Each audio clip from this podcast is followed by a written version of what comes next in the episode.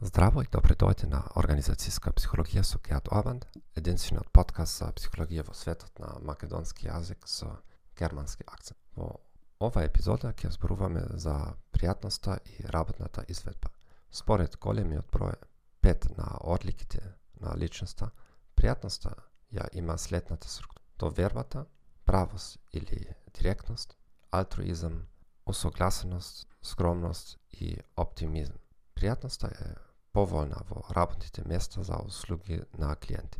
Исто така, на работните места кои барат тимска работа отколку индивидуалистички задачи. Од друга страна, емпириските студии покажуваат негативна врска помеѓу пријатноста и успехот во кариерата. Постои негативна корелација помеѓу пријатноста и приходот. Цитат.